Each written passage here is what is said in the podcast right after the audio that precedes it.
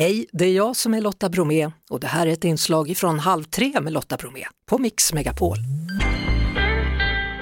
Lena Ljungdahl, före detta polis och numera krimpoddare. Välkommen till Halv tre. Tack snälla.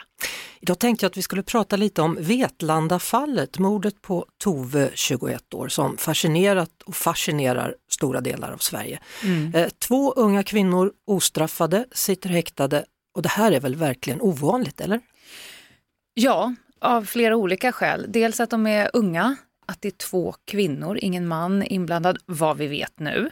Och eh, att det är den brottskategorin, alltså dödligt våld. Och att de nekar. Ja, de är då misstänkta och häktade på sannolika skäl. Vad betyder sannolika skäl?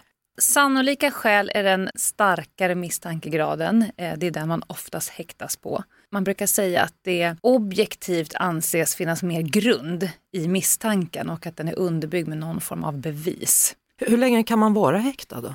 I all evig tid faktiskt. Det finns ingen bortre gräns för hur länge man kan vara häktad. Däremot så omprövas det var fjortonde dag. Då måste man upp i rätten och sen så prövar rätten om det fortfarande föreligger så kallade häktningsskäl. Och det finns tre till antalet. Kollusion. Vad är det? Det betyder att om man släpper ut dem så finns det risk att de påverkar utredningen. Kanske sopar spår, påverkar vittnen, pratar ihop sig. Så det känns ju sannolikt i det här fallet. Det gör det alltid om det är fler misstänkta. Recidiv. Vad är det? Att det finns risk att man fortsätter själva brottet eller flykt. Att man försöker undanhålla sig lagens långa arm. Mm.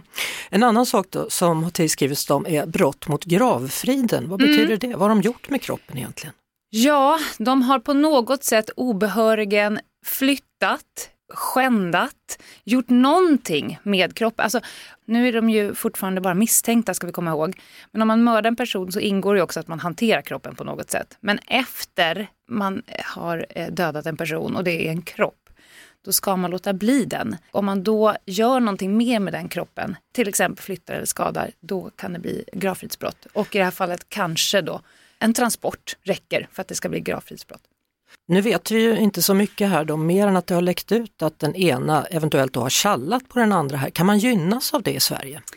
Eh, nej, det kan man inte. Nu vill ju regeringen föra in ett så kallat kronvittnessystem och det går väl eh, ut på att om jag rent krasst kallar på någon annan så ska jag kunna få ett lindrigare, ett mildare straff med då, då måste polisen få någonting som de gör att de kan utreda en annan misstänkt.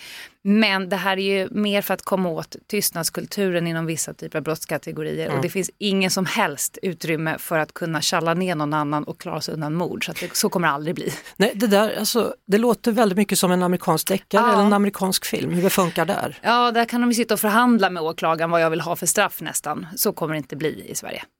Så vad gör polisen vidare nu? Nu närmar vi oss jul och allting här. Polisen har ägnat sig ganska mycket åt att dementera alla rykten. Jag tror att det ligger i sakens natur just för att det är så eh, ovanligt. Det finns ju rätt mycket förståsigpåare där ute som klistrar ihop indiciekedjor med Karlssons klister nu och då, och då går polisen ut och dementerar. Men jag tror att de väntar på analyser från Nationellt forensiskt centrum. Jag tror att de bearbetar tips. De drar i varje tråd, de förhör vittnen, de fortsätter förhöra misstänkta eh, håller på med teknisk bevisning och så vidare. Så jag tycker det ser ut som att de jobbar stenhårt och att det går eh, framåt. Hur länge kan man vara tyst? Vissa kan vara det för alltid, eh, säger aldrig någonting. Men jag skulle bli förvånad om eh, de här unga tjejerna håller ihop det. Vi vet ju fortfarande inte vad som har hänt. Nej, och vi vet inte om det var dem. Tänk Nej. om det inte är dem, tänk om det är fel Exakt, kan det också vara. Och det är därför man gör en polisutredning och det är därför man vänder på alla stenar. Men eh, svaren kommer nog, skulle jag säga. Och det framförallt så är viktigt för de anhöriga. Tack så mycket Lena Ljungdahl, för detta polis. Och eh, kan ni inte vänta till såna här nästa gång, då kan ni lyssna på podden Över min döda kropp som finns på podplay.se. Det var det. Vi hörs såklart igen på Mix Megapol varje eftermiddag vid halv tre. Ett poddtips från Podplay.